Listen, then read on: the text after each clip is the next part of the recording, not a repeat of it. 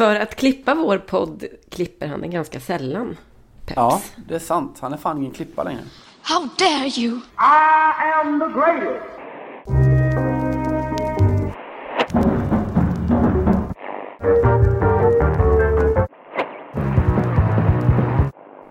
I see the world being slowly transformed into a wilderness.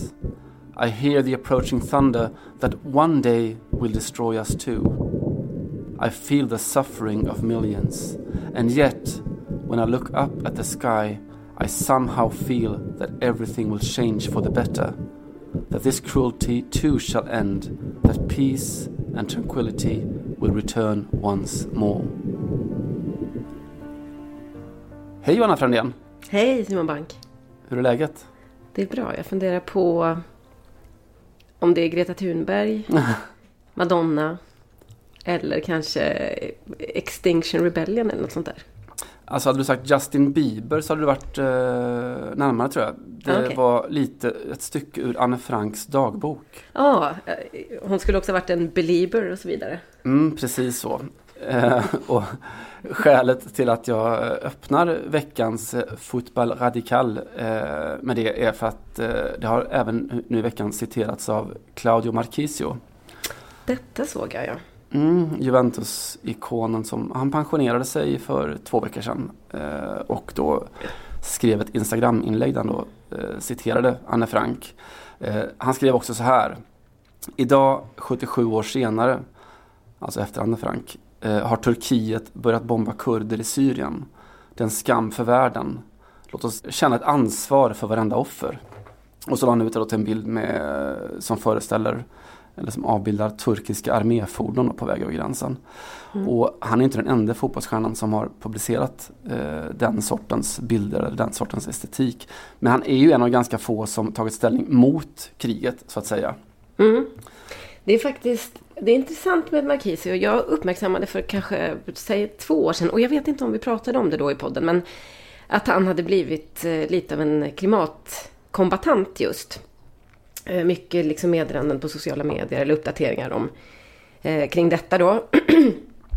och eh, mindes bara från många år sedan, kanske till och med på den tiden när jag bodde i Italien, att han då vid något tillfälle gjorde sig känd för att sjunga någon sån här nidvariant på, eh, tror jag, på italienska mm, eh, heter det, nationalsången. Med, Fratelli d'Italia. ja, exakt, men med, alltså det finns en så variant som är typ typiskt norra Italien där man alltså hetsar mot södra på ett då ganska rasistiskt sätt. Och jag bara kände att den här resan från att ha varit liksom en osnuten pojkspoling med lite så här quasi fascistiska vanor till det här världssamvetet. Eh, och då kollade jag med en, en vän och kollega i Italien och, och han sa att jag tror att, att Marchisio behövde lämna Italien för att kunna överhuvudtaget blomma ut politiskt. För det är nästan för svårt för en Serie A-spelare. Alltså i alla fall att blomma ut på ett progressivt eh, sätt och börja tänka på klimatet och demokrati och sånt där. Så att eh, han menade att det var paradoxalt då, när han, nog då, att när han spelade i Zenit Sankt Petersburg som hans, det var då liksom det, det var det som slog an hans, hans eh, demokratiska gener. Ja. Jag undrar om det finns en sån, sån utveckling in spel liksom, i Italien. För att det har ju varit ett genuint problem för Italien att eh, har du vuxit upp som ung människa i Italien så, så ser du inga större skäl att åka ut i världen eftersom du har det bäst i världen. Det är varmt, det är skönt, maten är bäst och mamma bor där.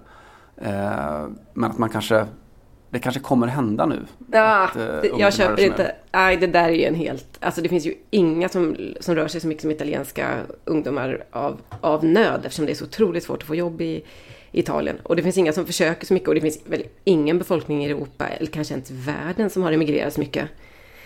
Så jag tror eh, snarare på att han egentligen bara blev del av en ganska stolt, eh, eller stolt, men en ganska italiensk tradition med någonting annat. Sen, det hindrar inte att de alltid längtar hem och älskar Italien och med goda skäl och så. Men det här att flytta utomlands och blomma ut tror jag är ganska så vanligt faktiskt. Mm, från kvasifascist till humanist, eh, den så kallade Buffonresan som man brukar prata om. Fr- från och med nu då. Eh, men och det är såklart Buffon för att? eh, för att han har gjort precis samma sak. Att eh, under ungdomen så han bar ju någon sån här tröja med fascistiska budskap under, jag tror att det var under hans Parma-år. Ja, precis. Han har tagit avstånd då? Han har tagit avstånd från det. Mm, Okej. Mm. Eh, har han gjort. Låt oss återkomma till det. Mm. Eh, men det är klart att i fotbollsvärlden så den senaste helgens och landslagssamlingens stora heta potatis, säger man heta potatis? Mm. Stor vet jag inte, men he den hetaste. Mm, stora bakpotatisen har ju varit eh, inte Zlatan Ibrahimovic attacker och inte ens kanske eh, rasismen på läktarna i Bulgarien utan det har ju varit såklart eh, de turkiska spelarnas eh, honörer, soldathonörer eh, mot Albanien och efter matchen på, på Stade de France. Eh, såklart. Mm. Eh, Väntat, föl- men ja, förlåt. Mm, ja, väntat. Alltså det är väl, jag vet inte, alltså vi, vi behöver väl inte bakgrundsdra så mycket. Det är klart att det är kopplat till då Turkiets invasion där uppe i nordöstra Syrien. Man kan väl, det man väl kan säga är, för att jag precis sk- skrev ju den här matchen, bevakade och skrev den här matchen och fick, trodde att jag skulle få väldigt mycket mejl från kanske svensk-turkar och så, men det var egentligen bara en person som hörde av sig. Men som argumenterade för att ja, men det här är, det betyder inte att man stöttar invasionen, det kan bara vara liksom ett sätt att så, salute the troops. Eh, vilket man ju ofta hör i USA också i, i liknande sammanhang.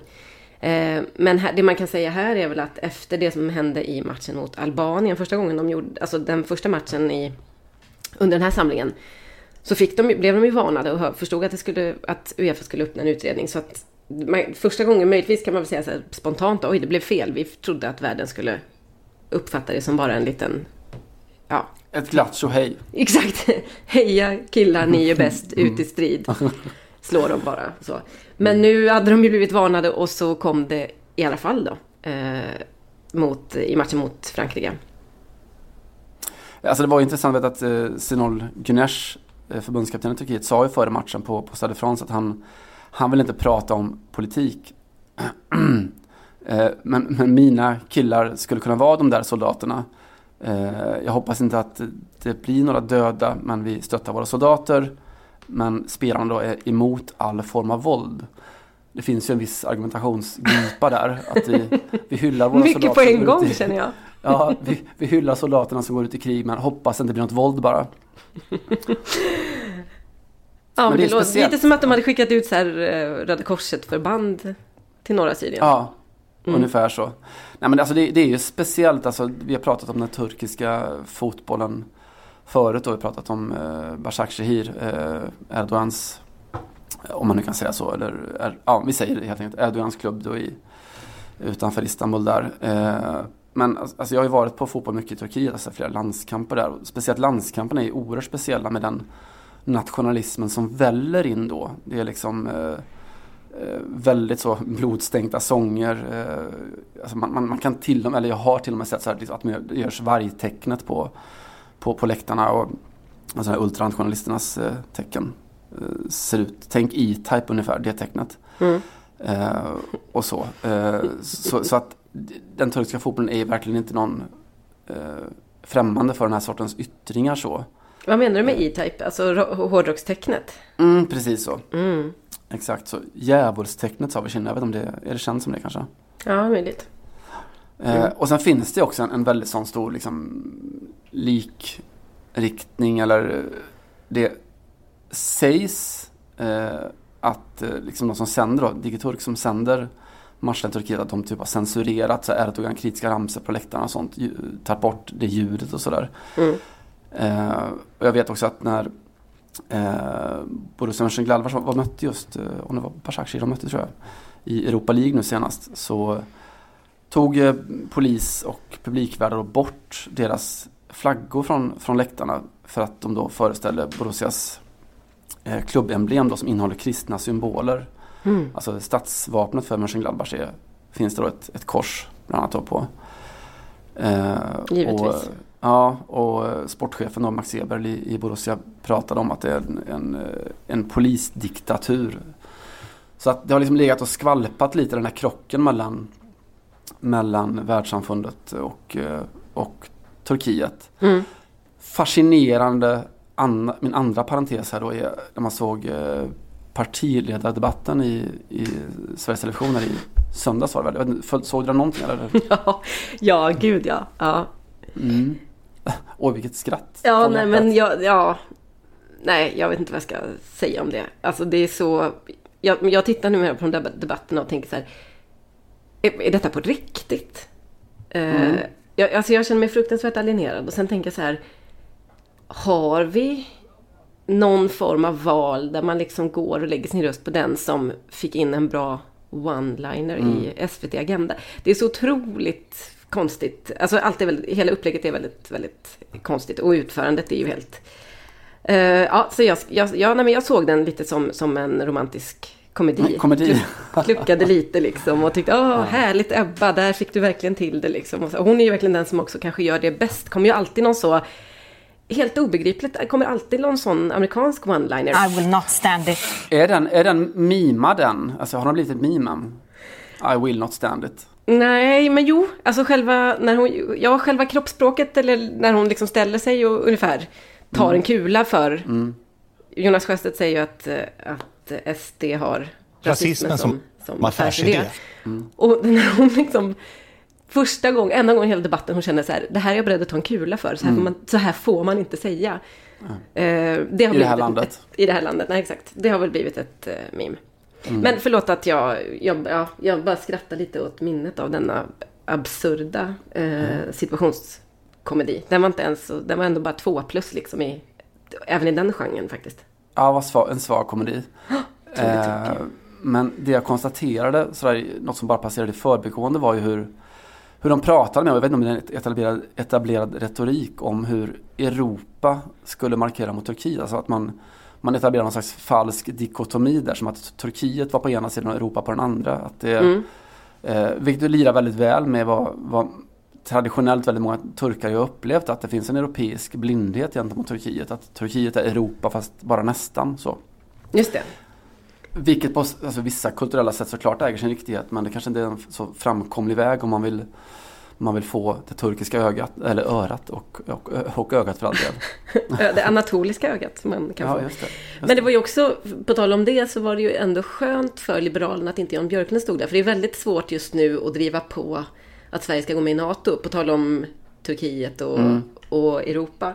Eh, jag tror att han lämnade i, i rätt tid. Han kanske kände av vart, vart vinden blåste, så att säga. Mm. Han eh, hade inte kunnat, vad han sa, runka upp stridskuken där. Nej, den hade varit svår upprunkad i, i söndags faktiskt. They, they wouldn't stand it. It wouldn't stand.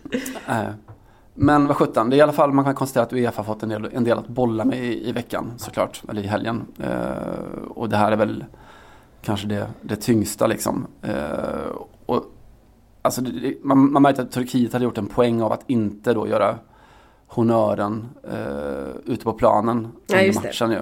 Nej, just det. Eh, det var någon av spelarna som, som hade glömt bort det lite grann och som var, hade handen på väg upp men, men hejdade sig nu den efteråt istället. Och, Ja just det, han fick sån här Hitler-tourettes. Du bara rycker i armen. Man bara, vad fan. Men jag tänkte på en annan grej, eh, på tal om, just inför den här matchen så var det ju mycket prat om att det var många i Frankrike, eller vissa politiker som, som ville ställa in, stoppa matchen helt enkelt. Eh, och eh, det var debatt liksom hela dagen på, på tv och i tidningar och radio och sådär. Ska vi spela den här matchen och ska vi ge liksom Erdogan den här möjligheten och eh, ja, på något sätt förkroppsliga då sin politik genom de här spelarna. För att man misstänkte hur det skulle bli. Och framförallt så många på högerkanten och kanske framförallt den franska extremhögern eh, är ju mest rädda för att de ska vissla ut Marseillaisen. Eh, vilket så här, man kan skratta lite åt som svensk, men i Frankrike upplever många det som ett, som ett så brott mot folkrätten i princip. Liksom. Man får inte, så att säga, bua eh, under vår nationalsång, för det är som att pissa på hela landet. mm, får inte skända fanan. Nej, exakt så. Och så bara sitter man där och lyssnar och så bara tänker lite på den här jävla nationalsången som är från liksom, åren efter franska revolutionen. Eh, och det finns ju många historier om franska spelare med framförallt kanske med eh, västindisk eller afrikansk bakgrund som inte har velat sj- sjunga med i den. Ganska Och så tänker- förståeligt. Ganska förståeligt. Så tänker jag så här, okej, här döms då turkarna av allt att döma så kommer de ju bli bestraffade av Uefa för att ha gjort den där eh, militärhonören. Eh, det är ju lite, det är ju ganska kort, eller det är ju rätt så nyligen i minnet, så det kan man förstå, alltså invasionen av, eh, av eh, norra Syrien. Men så står ju ändå alla franska och får skit om de inte sjunger med då i Mm. till exempel eh, till, ta upp vapen då, eller till vapen medborgare. Ställ upp er på raka led. Framåt, framåt. Låt fiendens orena blod Mm. flyta på vår jord. Eh, det, det är... Ja, jag vet inte. Det är... Jag säger inte att det är... Att man ska liksom förbjuda den här nationalsången heller. Men, men det, det är ju onekligen intressant att se vad som är gångbart och inte i... Vad som är så att säga fotbollskanon och inte. Ja, eh, och enda, enda skillnaden är hi- historiken på något sätt. Att det, ja, det har passerat Mm. så mycket så att det, det betyder någonting annat. Men vad sjutton. Ett uttryck för nationalism eller ett annat. Eh, ungefär så. Det är väl den här, ja, men det är väl också den här känslan av eh, förtryckt eh, kontra förtryckare. Mm, För jag, mm. jag, jag vet att när jag pratade om detta i något sammanhang, kanske var i vår webb-tv-kanal, så eh, tog jag upp det här med hur det var när schweiziska landslaget, eh, Sherdan Shakir bland annat, gjorde den här ja, Albanska Kosovo- örnen. Ja, precis. Exakt. Albanska örnen då. De med kosovoalbanskt ursprung i, i schweiziska landslaget. Eh, Kosovare eh, Asllani har ju gjort den också. Och då eh, minns jag precis när detta skedde och jag stod i SVTs studio live då så att det här kommer med all sannolikhet eh, Uefa straffa Schweiz la- landslagsspelare för. Och folk blir vansinniga. Men herregud, du förstår inte historien och sådär. Nej, men det är ju inte egentligen... Alltså Uefa kan inte hålla på att förhålla sig politiskt Nej. till olika konflikter. Eh, även om det är de allra flesta ur kanske svensk synpunkt tycker att det är en rättfärdig gest för de var förtryckta medan Turkiet är liksom förtryckaren och den som invaderar och dödar kurderna så spelar inte det någon roll och det ska ju inte spela någon roll för Uefas eh, liksom, riktlinjer. Ska de börja göra politiska bedömningar av saker och ting så är det inte riktigt en, en eh, fotbollsorganisation längre. Nej, det, det- går ju inte. Vi har varit inne på det förut. Då. Jag tog upp handbollsexemplet med, med Pride-binden om armen och sådär. Eh, att nej, man kan inte gå in och göra en enskild bedömning i varje enskilt fall. Om det här är ett, ett behjärtansvärt politiskt ställningstagande, är det ett politiskt ställningstagande? Eller är det inte det? Det, det kan inte vara det som avgör utan man får, man får ha en ganska tydlig hållning bara att vi, vi tillåter inte politiska manifestationer på, under våra matcher helt enkelt. Eh, För allt annat blir juridiskt omöjligt. Så. Just det. Eh, vad gulligt för övrigt ur ett franskt perspektiv att jag såg att eh, en av de här som var som tyckte att matchen inte skulle spelas riktigt var väl en eh, Jean-Christophe Lagarde, alltså ja, Liberalernas eh, partiordförande va? Eh, Liberalerna, så jag kanske man kallar dem, ett mittenparti. Mm. ja, Liberalerna eller ett mittenparti, ja ungefär så. Nej men Liberalerna, är, Mm. alltså det är ju Macrons parti tänker jag. Ja, ja det är sant. Eh, Mm. Han sa ju att det som de turkiska spelarna gjort att var att de hade liksom klivit över gränsen mellan sport och politik. Eh, och det får man då underförstått inte göra. Vilket är ett konstigt förhållningssätt just i, i Frankrike kan man tycka. Eh, Där det är så jävla uppenbart, inte minst inom fotbollen, att, att det går inte riktigt att separera det där. På något sätt. Annan spännande notering om man ska koppla ihop saker. Eh, den här debatten som då kom, som kanske inte var så mycket till debatt, utan mer fördömande då kring, kring eh, det som hände i, i Bulgarien med rasismen då som riktades mot, eh, mot engelska spelare. Mm, jag ska bara, vet du varför jag reagerar lite på att du sa Liberalerna? För att eh, alltså partiet som, eh, som Jean-Christophe Lagarde Mm. hör till, eller är ordförande för, heter ju då Demokrater, det demokratiska och självständiga unionen, typ ungefär. Eh, det är så himla, jag studsar alltid till när jag hör det där med liberalt, för att det är ju ett sånt otroligt skällsord i, inom fransk politik. Det är ju liksom, man får vara konservativ, man får vara socialist, eh, man kan numera vara extremhöger eller nationalist utan större problem. Men liberal är ett sånt där ord som är, det är liksom ett rött skynke och det gäller ju hela Frankrike. Eh, för att de kopplar så mycket ihop det med eh, Storbritannien eller USA. Alltså det är liksom en nyliberal politik och det är nästan ingen som står för. Och Macron har ju fått frågan så här, om han anser att han är liberal. Och, och man kan ju tycka att alla andra i hans, både med hans politik och hans eh, ställning har sagt självklart är jag liberal, jag står upp för liberala värden. Men han blir väldigt trängd och säger så här, om man med liberal menar eh, frihetligt sinnad och att alla ska ha lika möjligheter.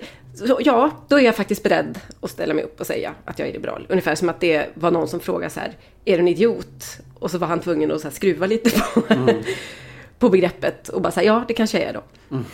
Eh, ja, det, det är sånt eh, och, det, och det var ju också faktiskt eh, Macrons parti som verkligen slet och stred för att den här nya gruppe, mittengrupperingen i EU-parlamentet, där de är väldigt, väldigt stora då, absolut inte skulle få heta någonting med liberalt. För det kunde de inte tänka. Alltså det, det funkar inte rent varumärkesmässigt att sätta sig i. Så då blev det europeisk renässans eller ja, något sånt där istället. Eh, ja, det är tufft att vara Ja. liberal. Antingen, antingen så utskälld eller så finns det inte. Eh, 7,5 högskolepoäng i fransk politisk teori, varsågoda. mm, där satt den. Mm. Mm. Som en, en smäck. Vad var jag inne på? Jag var inne på Bulgarien och rasism. Ja. Eh, och bara en, en reflektion kring den, den svenska tykonomins eh, behandlande eh, av just det. För där, där, då blir allting så oerhört enkelt på något sätt. Då är det, nu ska Uefa sätta ner foten, eh, töm arenan, sätt hårt mot hårt. Och så vidare och så vidare. Eh, problemet uppstår ju när man jämför det med debatten vi har kring vår svenska fotboll. Jag ska inte dra några som helst paralleller i övrigt. Liksom. Alltså det är en jävla skillnad på rasism och låt säga att tända en bengal. Men när vi för debatten i Sverige så är ju alla former av kollektiv bestraffning eh, avskyr vi. Eh, alla former av liksom att eh, förbund oss ska kliva in och, och markera för att några få eh, bryter mot regler och lagar eh, spottas på liksom.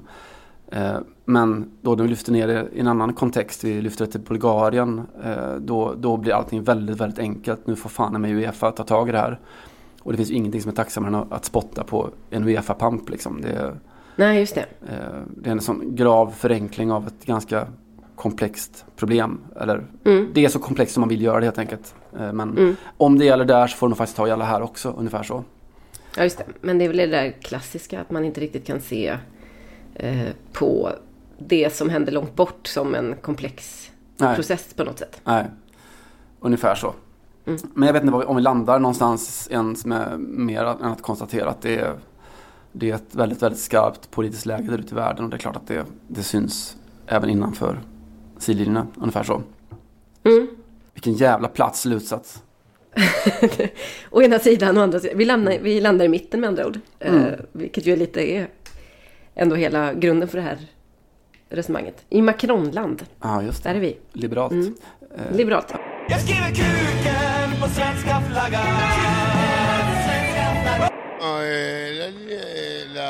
Berätta lite om svenska landslaget, du som har följt dem på nära håll de här dagarna.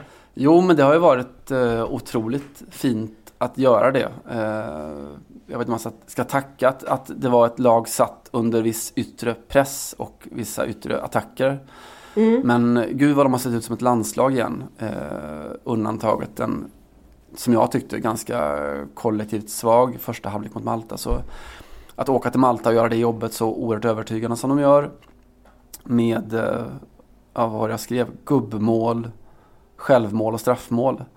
Eh, inte jättesnyggt men, men ändå häftigt liksom att, att städa av det. Och sen så var det ju en påminnelse om, om egenskaper som vi faktiskt förälskat oss i det här landslaget för mot, mot Spanien. Då. Det, var, det var otroligt häftigt på, på jättemånga sätt och väldigt många av de här spelarna som har varit lite utskällda eh, visade ju med all önskvärd tydlighet varför det är så att de faktiskt spelar från start varenda match. Jag satt liksom med ena fingret så trigger ready på, på Twitter. Och skulle just trycka ut det. att Vilken enormt imponerande insats eh, över liksom två matcher det här med, med tanke på hur otroligt mycket det har blåst kring det här landslaget. Och inte bara deras eget fel, lite grann också i och för sig. Men allt det som kom från Zlatan och alla agentutspel och alla liksom små misstankar om att det kanske inte är så himla härligt hela tiden i, i det där landslaget och relationen till media har varit lite ansträngd och så. Eh, sen kom ju Spaniens kvitteringsmål och då höll jag tillbaka med det, men jag tycker inte riktigt, det förtar ändå inte själva känslan av att det här är ett lag som ändå kan ge oss, vad ska man säga, någonstans ge oss möjligheten att, eller privilegiet att vara lite missnöjd med oavgjort mot Spanien. Mm. Nej, det är helt fantastiskt att det är så. Alltså, visst, ett roterande Spanien och ett Spanien som inte är sitt bästa och sådär. Men, men fuck that, det var en uh, oerhört solid, solid match som, som Sverige gör. Uh, jättekul och också otroligt bra inramning faktiskt. Det var, var ett jäkla tryck på, på Mm. Friends som inte riktigt van vid.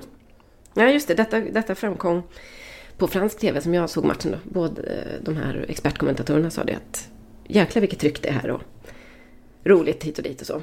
Så att eh, det är framförallt alltid kul att lyssna på utländska kommentatorer tycker jag. Som inte har kanske riktigt våran förförståelse för, för vissa spelare. För att när de pratar om eh, Emil Forsberg som någon, ja liksom att han är briljant och genialisk i, i ja, i, liksom, i, i skov i alla fall.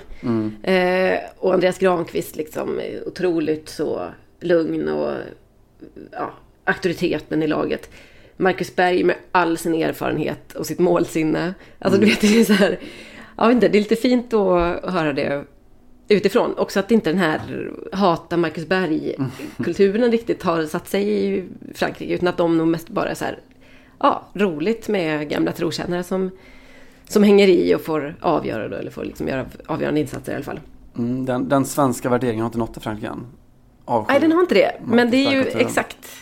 Nej, och det är också så intressant det här med att hur många positionerar sig som lite, tror jag, osvenska. Alltså att man gärna vill vara det när man hatar på Marcus Berg. Att det, blir en, det blir ett sätt att säga så här, alltså jag har faktiskt lite internationell utblick och vi har faktiskt den här och vi har den här och kom igen, det är inte eh, 70-tal längre liksom i Sverige. Och, så, och då blir ju Marcus Berg en sån otroligt tacksam måltavla för detta såklart. Och inte minst efter hela Zlatan-debaclet så, så blir det ju ännu tydligare eftersom han just pekade ut Marcus Berg som en av dem som kanske inte borde få spela då. Eller, ja. Hade jag, hade någon annan anfallare då, underförstått någon med invandrarbakgrund, inte gjort mål på så många, matcher eller så hade, han, hade man liksom inte varit aktuell längre och så. Eh, och det, ja, det blir ett sätt att positionera sig mot det, så här, det svenska, det lite tråkiga, den här gamla folkhemstanken, så här, allt det som man tycker är okult med Sverige. Och i sig blir ju liksom det här att hata Marcus Berg en så otroligt svensk praktik. För det är ju typ bara i Sverige vi håller på med sånt. I princip. Alltså det finns ju en i varje generation. Jag menar innan Marcus Berg så var det Ola Toivonen. Eh, tidigare var det ju Johan Elmander, det var kanske Marcus Rosenberg, Marcus Albeck. Ah, egentligen alla de som har spelat ihop med antingen typ eh, Henke Larsson eller Zlatan Ibrahimovic på topp. Alla de har ju någon gång blivit typ hatade av folk som tycker att vi borde kunna bättre än så här. Fast det absolut inte har funnits några bättre alternativ. Nej, det är ju... Jag håller med Det är en svensk tradition. Alltså det är Ja, fan en det- svensk klassiker. Var riktigt jävla Exakt. folkhemssvensk. Hata Marcus Berg. Ja, men alltså, om du ska vara dissident i Sverige så ska du inte hata Marcus Berg. Då är du mainstream. Vill du vara dissident i Sverige så får du vara en riktig liberal då. Ja, ja precis.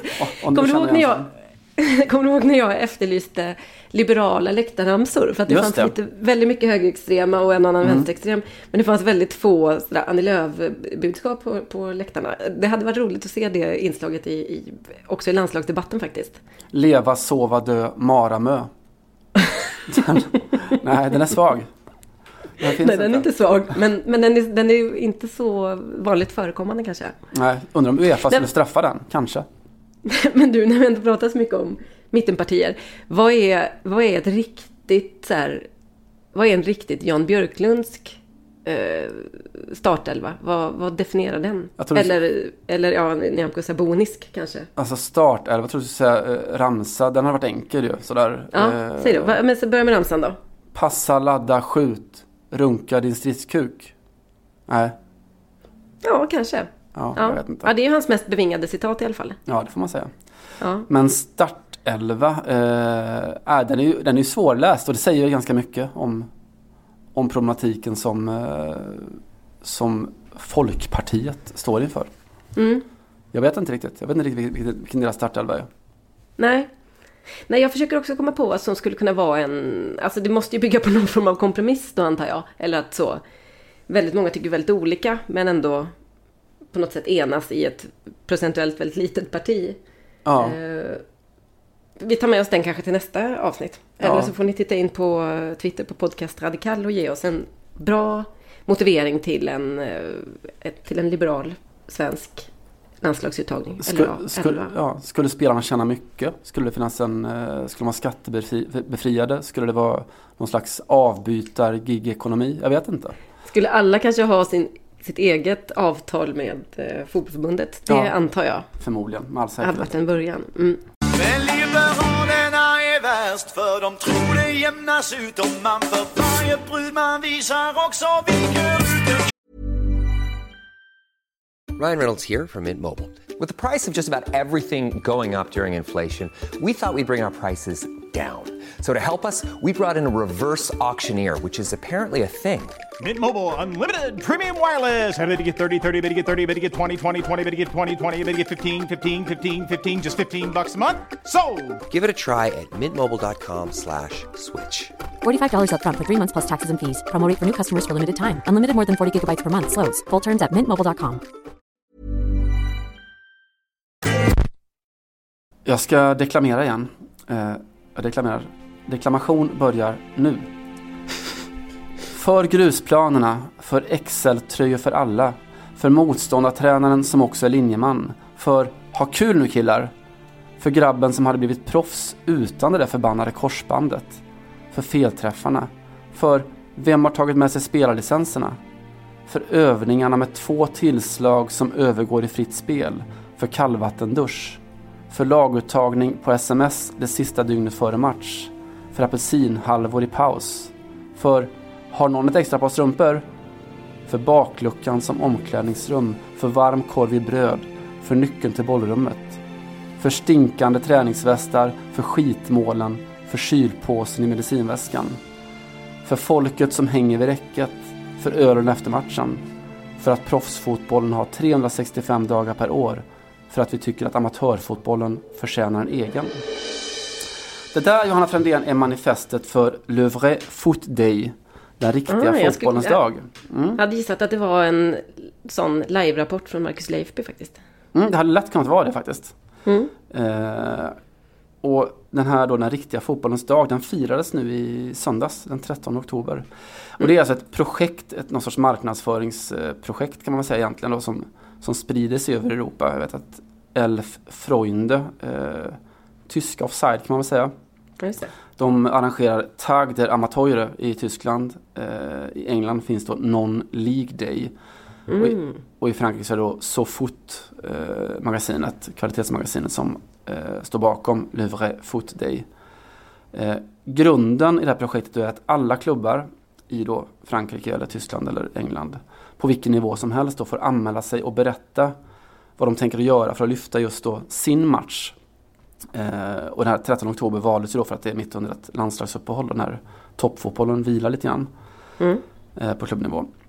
Och de kan liksom då, ja men vi tänker ha eh, tävlingar eller inmarscher eller tifon eller eh, ha, fira av gamla spelarlegendarer eller ha någon slags kulturhappening. Alltså vad som helst då för att skapa en, en häftig inramning kring sin, sin match då på låg nivå. Eh, och de då projekt som väljs ut för vara de, som de bästa då, eh, omfamnas då av en, en sån här då trovärdig stor fotbollstidning i landet då som, som stormar in med hela sin journalistiska bevakning då kring matchen. Eh, det är tv-sändningar av då en division 7-match eller så. Fullt ös på internet, det är spelarbetyg, det är liksom Panini-bilder av spelarna. Eh, reportage och dokument och grejer. Fantastiskt. Eh, ja, grymt coolt. De, just i Frankrike har de också en ambassadör för Le Vrai Day, Steve Savidan. Eh, som då är ambassadör för, för dagen. Eh, och han klev då också in och spelade för ett av lagen i, i det som var utvalt som huvudmatch. Då ett Bretagne-derby nere i, långt ner i gärdsgårdsserierna. Mm. Eh, till den här matchen så kom det då 500 personer. Eh, Riks-TV sände matchen, så fort bevakade. Eh, och jag känner bara att liksom det första som jag ska göra när vi har spelat in färdigt här är att gå till liksom Sportbladets marknadsavdelning och, och sälja in det här i Sverige också. För det, visst, det är ett jippo såklart, men det är ett otroligt häftigt jippo då i en, en värld som normalt bara lyfter klubbar som eh, ägs av skit och spelare som gör en massa skit ungefär. Just det. Amatörfotbollen, den spelas ju skiten men är någonting helt annat. Mm. Så eh, inpass bara här. Eh, att det är ett otroligt häftigt projekt men vi kan väl bara för att få lite feeling också avsluta med att lyssna på hur inmarschen lät då på den här geggiga långhåriga fotbollsplanen uppe i Bretagne. De hade en ny maskot, eh, då en gammal landslagsspelare som gjorde hattrick men förlorade ändå. Det var en, en streakare som sprang in eh, på planen. Och inmarschen den, den spelade de live då på säckpipa och trumma.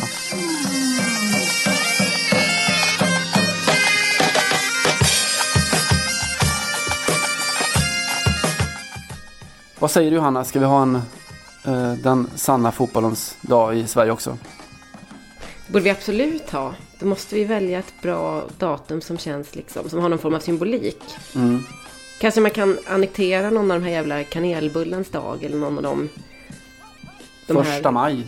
konsumtionsdagarna. Nationaldagen, kan det vara något? Ja, eller eh, drottning Silvias födelsedag, 23 december.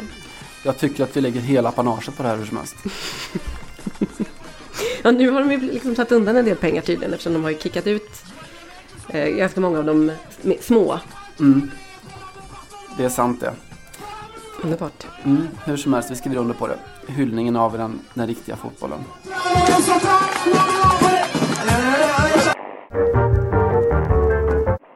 Fotbollny radikal. Det som har hänt sen sist vi hördes är ju att eh, vi, har, vi har tilldelats två Nobelpris i litteratur, vi och vi. Eh, och mellan en hyfsat ung kvinnlig polsk progressiv feminist och en gammal gubbig österrikisk eh, folkmordsapologet så väljer ju Fotboll Radikals givetvis att uppmärksamma den senare. Eh, Peter Handke kastade någon, jag gissar att det var du, ut eh, diktmässigt eller på, på vårt Twitterkonto förra veckan eh, Simon, innan han hade tilldelats eh, 2019 års Nobelpris i litteratur. En ganska så enkel dikt som egentligen bara är en laguppställning från Nürnberg i 70-talet någon gång, eller? Är det så? Mm, ja, precis så. Det var liksom ett sätt att bryta mot uh, intellektualismen och tala om att saker som är så enkla som fotboll har också ett värde. Det är väl alltså en litterär motsvarighet till, till Ready-Mades kan man säga. Eh, Just det. Lite så. Lite Deschamps, lite eh, Warhol ungefär. Precis. Ett collage fast man bara... Det här man bara klistrar in den här. Mm. Ja, du, du byter kontext bara. Du tar något, eh, något ett befintligt bruksföremål och eh, gör det till, till konstverk. Peter Handke. Eh, Österrike som sagt. Och inte ointresserad av fotboll och därför är han veckans profil. Det uppdagades ju ganska snabbt att han hade skrivit en bok eh, som heter Målvaktens rädsla vid straffpunkten. Skräck vid straffspark tror jag den heter på svenska, tror jag. Eh, den heter Målvaktens skräck vid straffspark. Precis. Eh, intressant att när man googlar på detta så hittar man faktiskt en artikel från 2001 på World Wide Web av eh, Simon Bank. Eh, du har redan då ifrågasatt vad han menar med den här titeln. För det är väl inte målvakten som är rädd när man står vid en, ett straffsparksavgörande eller inför en straffspark. Målvakten har ju allt att vinna och så vidare. Ja, alltså han har ju hysteriskt fel. Du kan inte ha mer fel. Alltså, som gammal målvakt så det finns inget man älskar så mycket som straffsparken. Eh, boken då, som eh, på tyska heter Die Angst des Thomas beim Elfmeter. Det är angst, vill jag väl, eller? Eh, Ursäkta språkrådet här.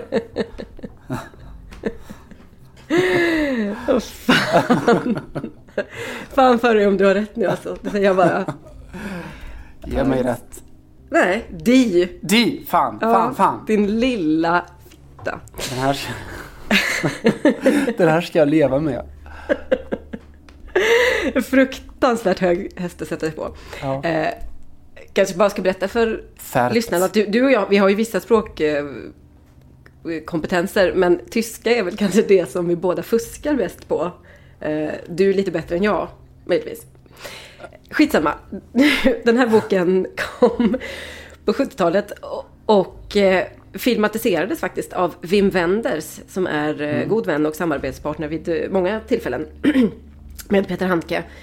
Eh, Peter Handke har för övrigt också själv regisserat film så att han är ju lite så, eh, inte polyglott men eh, polykompetent i alla fall. Polyvalent, de, ja. just det. Inom de sköna konsterna. Filmen kom och eh, 1972, men ganska så snabbt, och det var Wim Wenders första. Men ganska så snabbt så uppdagades det att han hade kastat in en massa amerikansk eh, musik. Det handlar nämligen om en enkel man som är före detta målvakt. Som typ råkar döda en tjej skulle man kunna säga och sen irrar runt och lite, lite, lite liksom... Vem har eh, inte och så vidare. Ja, det, det är den känslan man får eh, i livet och vet inte riktigt eh, vad han ska göra med den här, eh, ja, med det hela, med situationen och så vidare.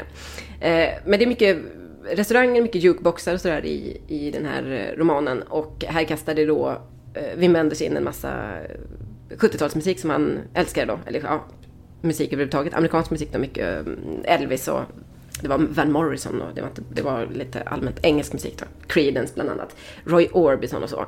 Eh, och sen så... När blev det här Radiosporten?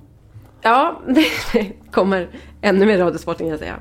Och sen så förklarade väl hans filmbolag att det, här kostar ju sinnessjukt mycket pengar, eh, rättigheten rättigheterna till alla de här låtarna.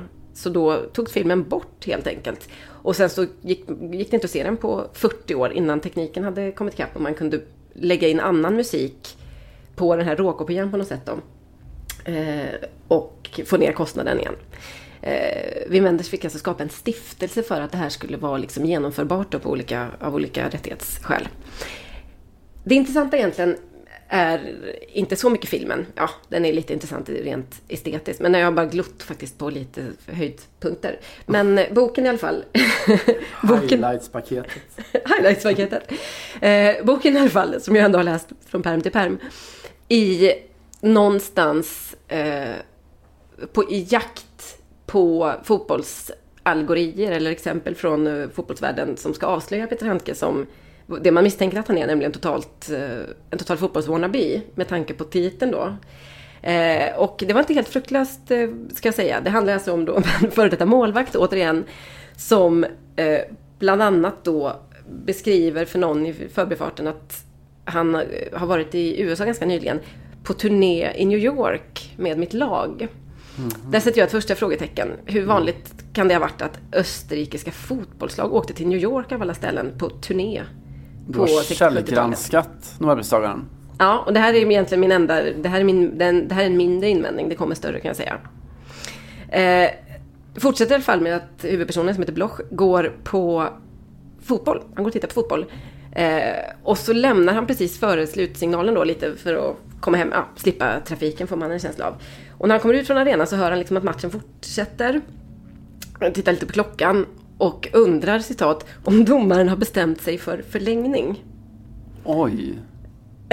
Det låter kanske som, är en, det låter som en usel översättning bara. Ja, jag läste den översatt till, till franska då, men ehm, det, det, han resonerar kring detta, om det, om det är därför det att, om det är det som gör att de andra liksom, publiken är kvar där inne och så. Och här går ju alla varningslamporna igång liksom. Peter Handke, domaren, det här är inte, handlar inte om domarens inre liv eller dags, dagsform. Eh, det fortsätter med att huvudpersonen vid något tillfälle äter eller dricker öl med två kvinnor som, för vilka han, och han berättar hur ofta han har tvingats sy igen sina spruckna läppar som målvakt. Eh, Det här vill jag hävda inte är jättevanlig åkomma för fotbollsmålvakter. Alltså i, kanske i andra sporter men det är väl inte någon sånt superkänt gång på gång. Det är väl hockeyspelare som aldrig har några tänder kvar tänker jag. Mer så, absolut. Mm. Och eh, vidare så skriver han vid ett tillfälle att eh, huvudpersonen att han kände att han höll på att somna till. Samma känsla som precis före slutet av en halvlek. Och dessutom på slutet så går han på en fotbollsmatch och konstaterar att spelarna skriker alldeles för mycket till varandra. En bra fotbollsmatch är trots allt en tyst fotbollsmatch. Det kan jag skriva under på. Men, så jag, jag har egentligen bara läst Handke för att, för att eh, källgranska honom då som eh, i egenskap av fotbollsauktoritet och funnit eh, en rad tveksamma påståenden här som jag tycker i sig lägger en ganska god grund för att vi ska kunna ifrågasätta hans, hans fotbollskunskaper. Är det därför som det påstås att det var en kontroversiell pristagare? Jag tänkte precis säga det. Alltså, jag skiter väl i om man har ursäktat ett, eh, ett folkmord i Serbien. Men vi kan för fan inte tilldela ett Nobelpris till någon som uppenbarligen inte vet de mest elementära saker om världens största idrott. Är du med mig? You will not stand it. I will not stand it. Däremot Simon, ska jag nu för att knyta ihop säcken ge honom lite rätt i en sak. Eh, du är inte ensam om att ha uppmärksammat den här titeln då som väldigt konstig. Vadå, hur kan, vad är det med målvakten? Han kan inte, varför skulle han vara rädd och känna skräck inför, inför eh, straffläggandet? Men här utvecklar faktiskt eh, Handke och, eh, genom då sin huvudperson Block som berättar för sin bänkgranne följande. Eh, målvakten står där och försöker förstå i vilket hörn som straffskytten tänker skjuta. Om målvakten känner till straffskytten vet han ungefär vilket hörn han brukar välja. Men han kan ju också, eh, anfallaren då, eller straffskytten kan ju förstås också förutse målvaktens resonemang. Så då fortsätter målvakten att fundera och tänker att nu den här gången kanske bollen inte kommer att hamna i samma hörn. Okej, men om anfallaren då följer målvaktens tankegångar här, då kanske han bestämmer sig för att skjuta det vanliga hörnet. Och så vidare, och så vidare. I know that you know that I know that you know och så vidare. Exakt. Och här tycker jag faktiskt han räddar upp, och det är verkligen på eh, den här ganska korta romanens allra sista sida, eh, titeln någonstans. För den här ångesten eller skräcken kan man ändå sätta sig in i. Så det handlar faktiskt inte i första hand om att man står där och känner jag måste rädda, utan det handlar om hur kan jag liksom lura ut eller ut, outsmarta, säger jag nu i brist på ett bättre svenskt ord, straffskytten här. Kommer han gå på att jag vet att han vet att jag vet att han vet? Fantastiskt.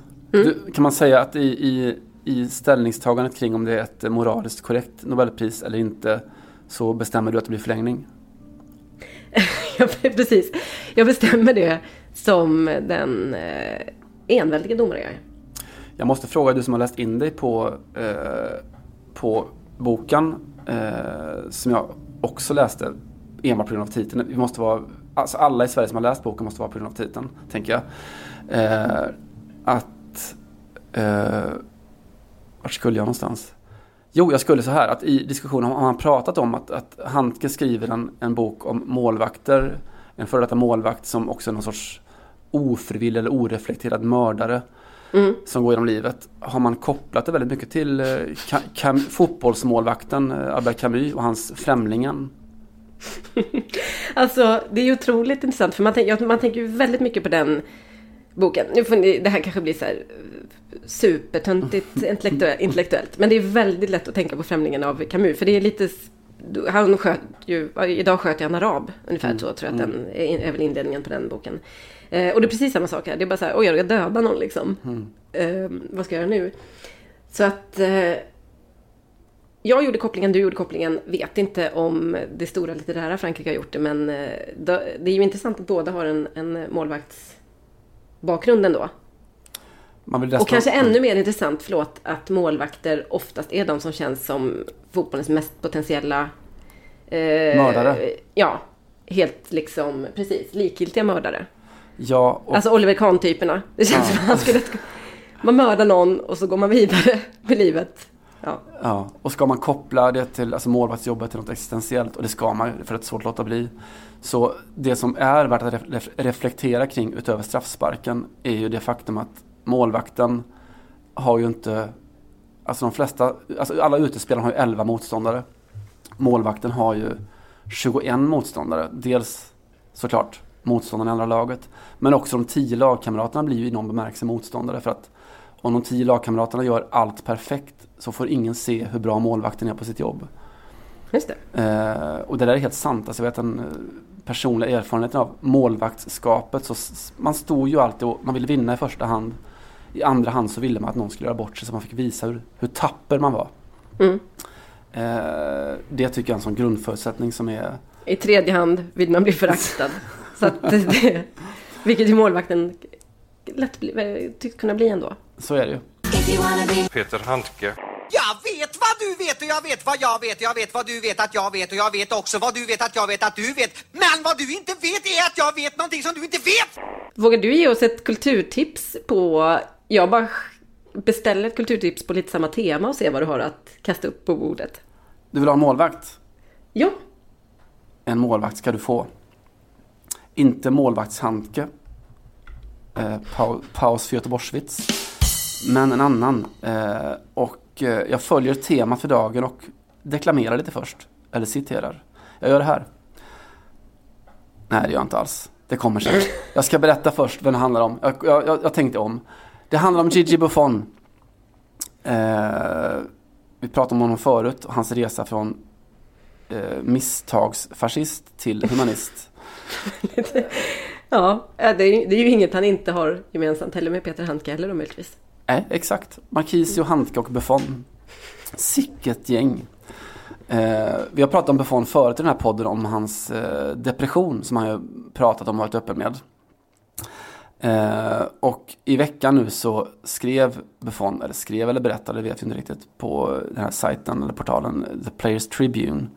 Då ett personligt brev författat till sig själv som 17-åring.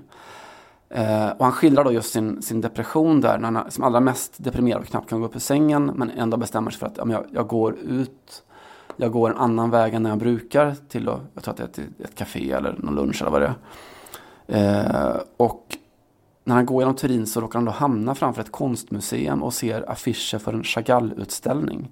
Det är nu jag deklamerar. Mm. Buffon skriver You have things to do. You must be on your way. You are Buffon. But who is Buffon? Who are you really? Do you know? This is the most important part of this letter. You have to walk into that museum on that specific day. It will be the most important decision of your life. If you do not walk into that museum and you carry on with your life as a footballer, as Superman, then you will continue to lock all of your feelings away in the cellar and your soul will deteriorate. But if you go inside, you will see hundreds of paintings by Chagall. Most of them will do nothing to stir you, some good, some interesting, some that say nothing to you at all. But then you will see one specific painting that will hit you like a lightning bolt. It is called The Walk. It's an almost childlike image. A man and a woman are in a park having a picnic, but everything is magical. The woman is flying away into the sky like an angel, and the man is standing on the ground, holding her hand, smiling. It is like the dream of a child. This image will transmit something from another world. It will give you the feeling of a child, the feeling of happiness in simplicity. Buffon snubblades in mitt i sin depression i en konstutställning med Marc Chagall-målningar. Vad bra liksom... han har blivit på engelska. Ja. Mm. Från pseudofascist till anglofon, bara sådär. Mm. Mm. Ja, men där inne så hittar han någon slags länk till, till ett mindre komplicerat liv då för en, en mångmiljonär och landslagsman och ikon.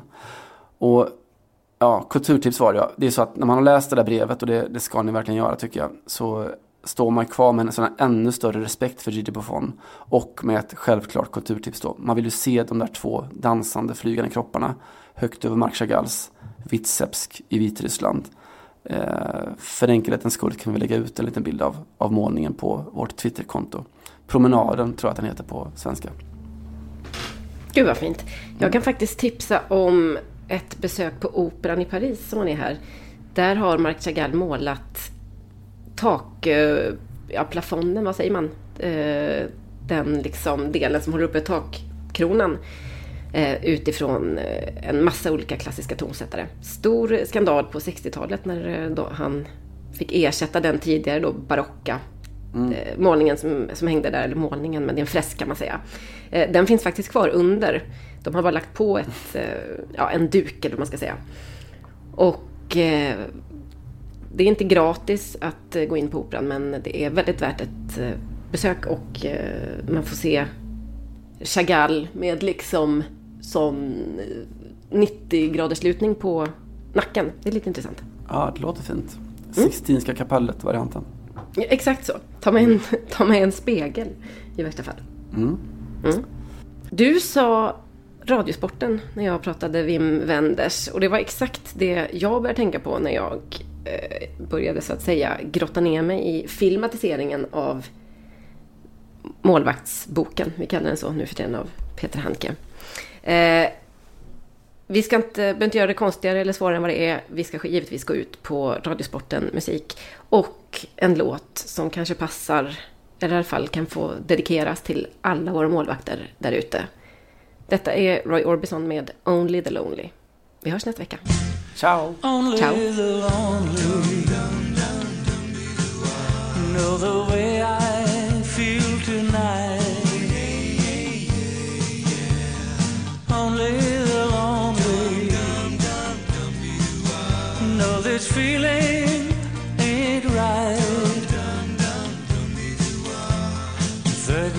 My baby.